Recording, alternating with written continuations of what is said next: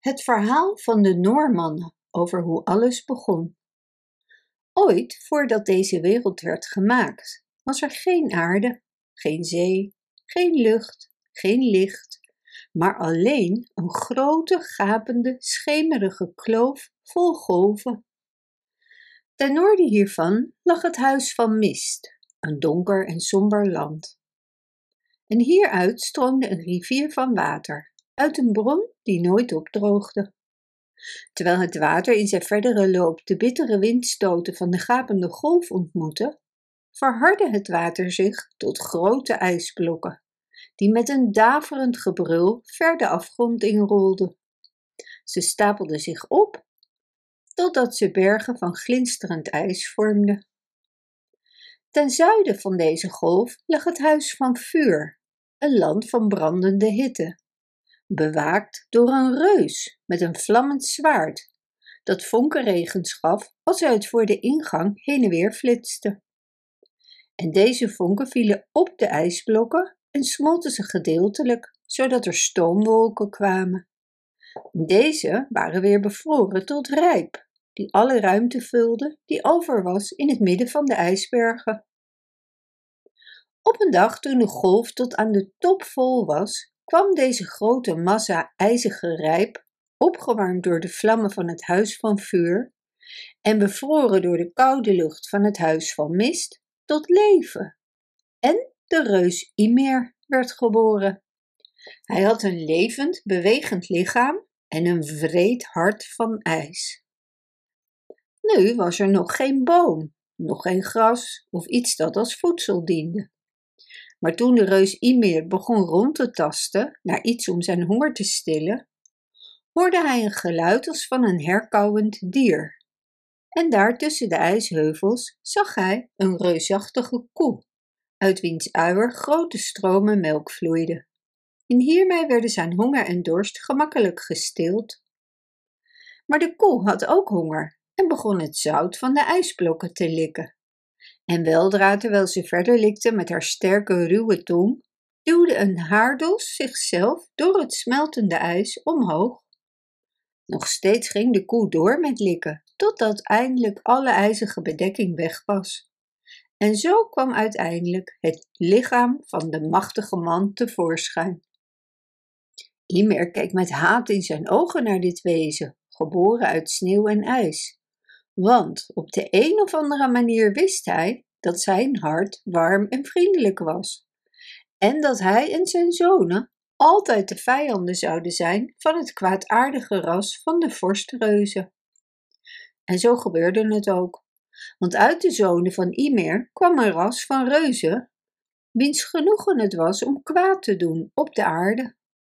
En uit de zonen van de ijsman kwam het ras van de goden voort, waarvan Odin de belangrijkste was. Hij was de vader van alle dingen die ooit zijn gemaakt. En Odin en zijn broers begonnen meteen oorlog te voeren tegen de boosaardige vorstenreuzen en vooral tegen de koelbloedige Ymir. Toen na een harde strijd de reus Ymir werd gedood, stroomde er zo'n rivier van bloed uit zijn wonden dat de rest van de vorstenreuzen verdronk, behalve één. Hij ontsnapte in zijn boot met alleen zijn vrouw aan boord en voer ver weg naar de rand van de wereld. En uit hem ontstond weer een heel nieuw ras van vorstreuzen, die wanneer ze maar konden uit hun land van schemering en verlatenheid tevoorschijn kwamen, om de goden, die juist heel gelukkig waren, kwaad te doen. Toen de reuzen al dus waren verdreven, ging alvader Odin met zijn broers aan het werk om de aarde, de zee en de lucht te maken. En deze maakten ze uit het grote lichaam van de reus Ymir. Uit zijn vlees vormden ze Midgard, de aarde, die in het midden van de golf lag. Overal eromheen plantten ze zijn wenkbrauwen, om een hoge omheining te maken die de aarde zou beschermen tegen het ras van reuzen. Met zijn botten maakten ze de hoge heuvels en met zijn tanden de kliffen. En zijn dikke krullende haar schoot wortel en er groeiden bomen, struiken en groen gras uit. Met zijn bloed maakten ze de oceaan en zijn grote schedel omhoog gericht werd de gewelfde hemel. En net daaronder verspreidden ze zijn hersens en ze maakte er de zware grijze wolken van, die tussen de aarde en de hemel liggen. De hemel zelf werd op zijn plaats gehouden door vier sterke dwergen, die hem op hun brede schouders ondersteunden, terwijl ze oostwaarts en westwaarts, zuidwaarts en noordwaarts stonden. Het volgende wat moest gebeuren was licht geven aan de nieuw gemaakte wereld. Dus vingen de goden vonken op uit het huis van vuur en plaatsten ze aan de hemel als sterren. Daarna namen ze een levende vlam en maakten er de zon en de maan van, die ze in gouden wagens plaatsten. Ze spanden er prachtige paarden voor, met vloeiende manen van goud en zilver. En voor de paarden van de zon plaatsten ze een machtig schild om hen te beschermen tegen zijn hete stralen. En de snelle maanpaarden hadden zo'n bescherming niet nodig tegen de zachte maanhitte. En nu was alles klaar, behalve dat er niemand was om de paarden van de zon en de maan te drijven. En deze taak werd gegeven aan Mani en Sol, de mooie zoon en dochter van een reus. Deze mooie wagenmenners dreven hun paarden langs de paden die door de goden waren uitgezet, en gaven niet alleen licht aan de aarde, maar markeerden ook de maanden en de dagen voor de mensenzonen. Toen riep alvader Odin Nacht bij zich, de sombere dochter van het koelbloedige reuzenvolk, en liet haar de donkere wagen rijden, die werd getrokken door het zwarte paard Vorstmane. Uit zijn lange golvende haar vielen druppels dauw en rijp op de aarde. En na haar reed haar stralende zoon Dag, met zijn witte paard schijnende manen, van wie de heldere stralen van het daglicht schijnen om de harten van de mensen te verblijden. Maar de boze reuzen waren erg boos toen ze al deze goede dingen zagen. En ze plaatsten in de lucht twee hongerige wolven zodat deze woeste grijze wezens voor altijd de zon en de maan zouden kunnen achtervolgen. Ze zouden ze helemaal verslinden en zo aan alle dingen een einde maken. En soms zeggen de mannen van het noorden, slagen de grijze wolven er inderdaad bijna in om de zon of de maan op te slokken. Maar dan maken de aardse kinderen zo'n herrie dat de woeste beesten hun prooi uit angst laten vallen. En de zon en de maan vluchten weg sneller dan voorheen, nog steeds achtervolgd door de hongerige monsters. En op een dag, zo luidt het verhaal, toen Mani, de man in de maan, zich haastte, staarde hij naar de aarde en zag twee prachtige kleine kinderen. Het waren een jongen en een meisje met een emmer water. En ze zagen er erg moe en slaperig uit. En dat waren ze ook, want een vrede reus liet hen de hele nacht water halen en dragen terwijl ze eigenlijk in bed hadden moeten liggen. Dus stak Mani een hele, hele lange arm uit en greep de kinderen en zette ze in de maan met emmer en al. En daar kun je ze op elke maanlichtnacht zelf nog zien. Maar dat gebeurde lang na het begin van de dingen, want er was nog geen man of vrouw of kind op aarde. En nu deze aangename Midgard gemaakt was, waren de goden vastbesloten hun verlangen naar een huis te vervullen. Een huis waar ze op hun gemak konden rusten. Ze kozen een geschikte plaats ver boven de aarde, aan de andere kant van de grote rivier die uit het huis van mist stroomde waar de reuzen woonden. En hier vonden ze Asgard, waar ze in vrede en geluk woonden, en van waar ze konden neerkijken op de mensenzonen. Van Asgard tot Midgard bouwden ze een prachtige brug in vele kleuren, waaraan mensen de naam regenboogbrug gaven, waar de goden gebruik van konden maken op hun reizen van en naar de aarde. In Asgard stond ook de machtige smederij waar de goden hun wapens maakten, waarmee ze tegen de reuzen vochten, en de werktuigen waarmee ze hun paleizen van goud en zilver bouwden. Intussen leefde er geen menselijk wezen op de aarde, en de reuzen durfden de grenzen niet over te steken uit angst voor de goden. Maar een van hen, gekleed in adelaarsveren, zat altijd aan de noordkant van Midgard. En telkens wanneer hij zijn armen ophief en ze weer liet vallen, kwam er een ijzige explosie uit het misthuis. De explosie sneed alle aangename dingen van de aarde weg met zijn vrede adem.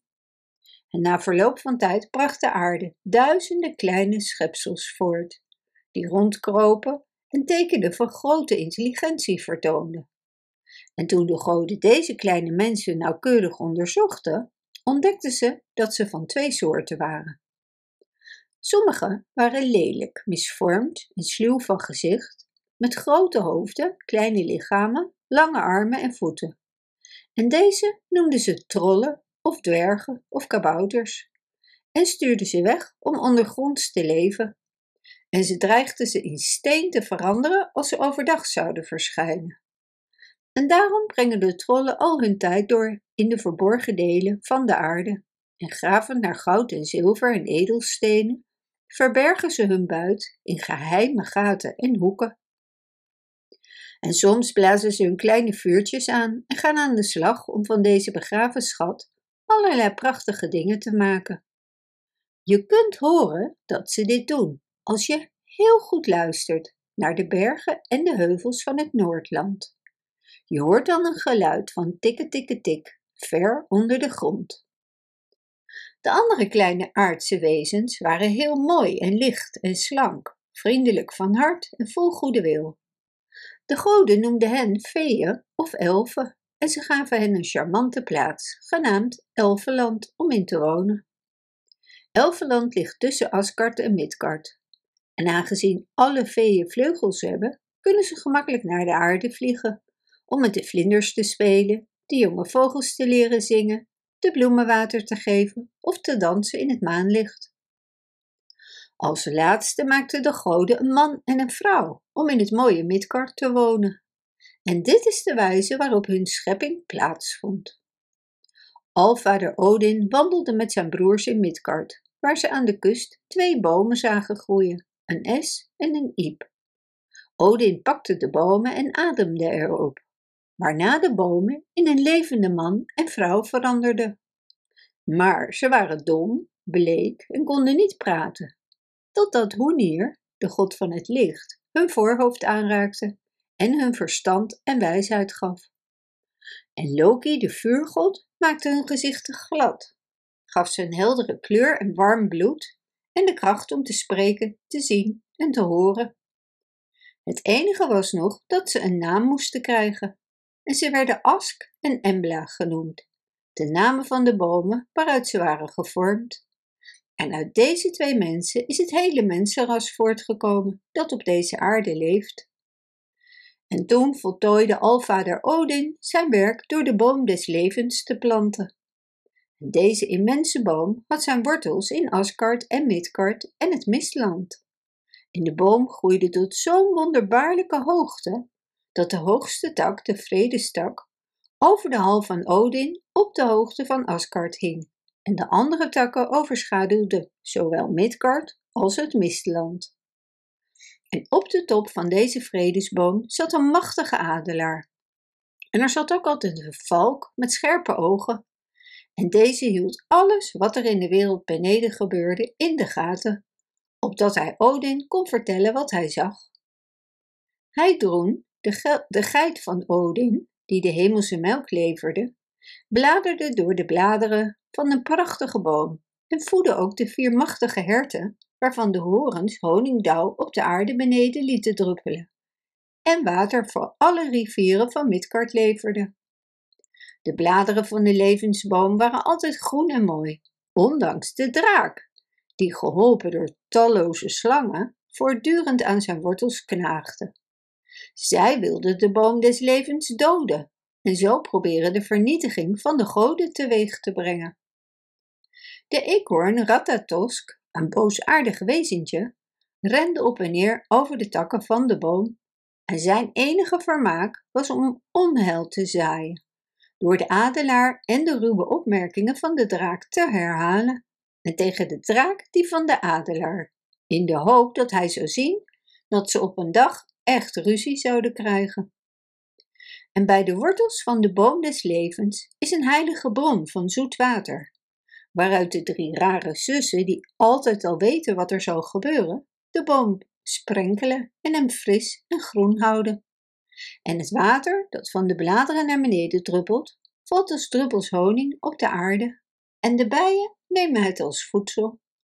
En dicht bij deze heilige bron is de raadzaal van de goden, waar ze elke ochtend heen rijden over de regenboogbrug om samen te praten. En dit is het einde van het verhaal hoe alles begon. Bedankt voor het luisteren. Wist je dat je dit verhaal ook op onze website ririro.com/nl kunt lezen, downloaden en printen?